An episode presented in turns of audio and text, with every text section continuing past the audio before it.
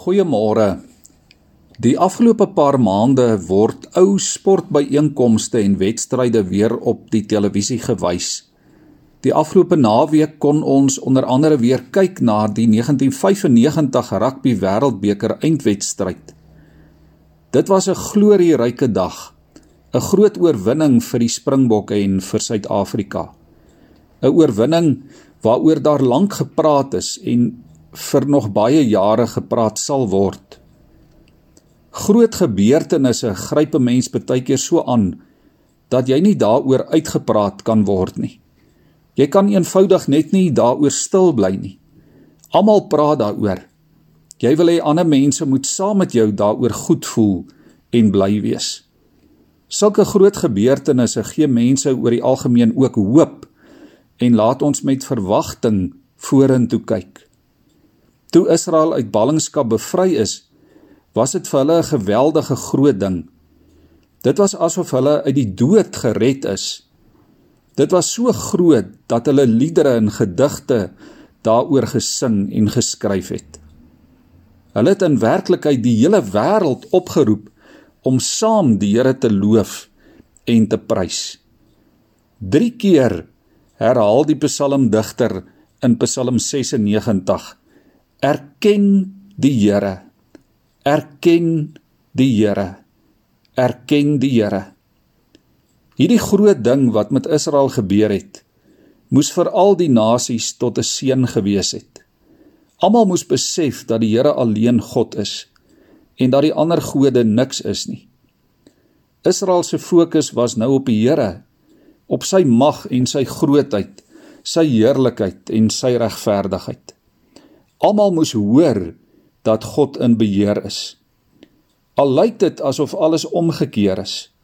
Al lyk dit asof daar op hierdie aarde geen sekerhede is nie.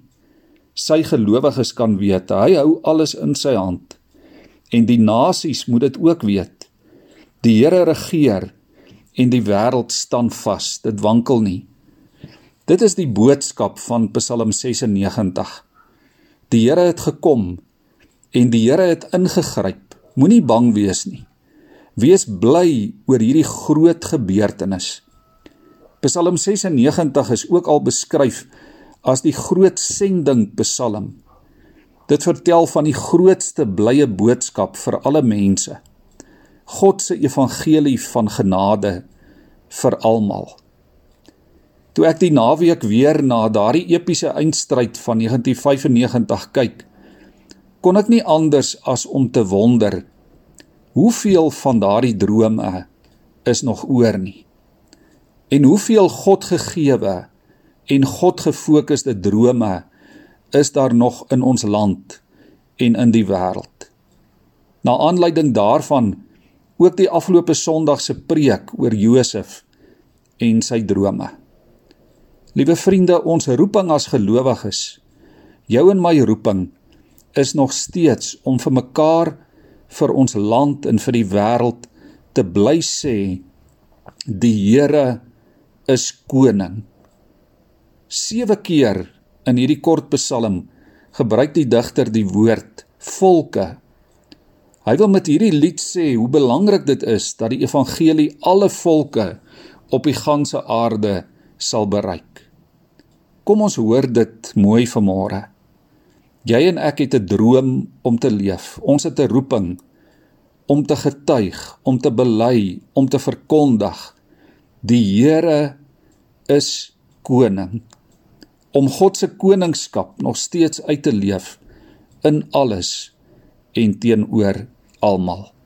Ek lees vir ons Psalm 96. Sing vir die Here 'n nuwe lied, sing vir die Here o ganse aarde. Sing vir die Here, prys sy naam, verkondig sy verlossing van dag tot dag. Maak onder die nasies sy majesteit bekend, onder al die volke sy wonderdade. Ja, die Here is groot en moet baie geloof word. Hy is gedig meer as alle gode. Want al die gode van die volke is nutteloos. Maar die Here het die hemel gemaak.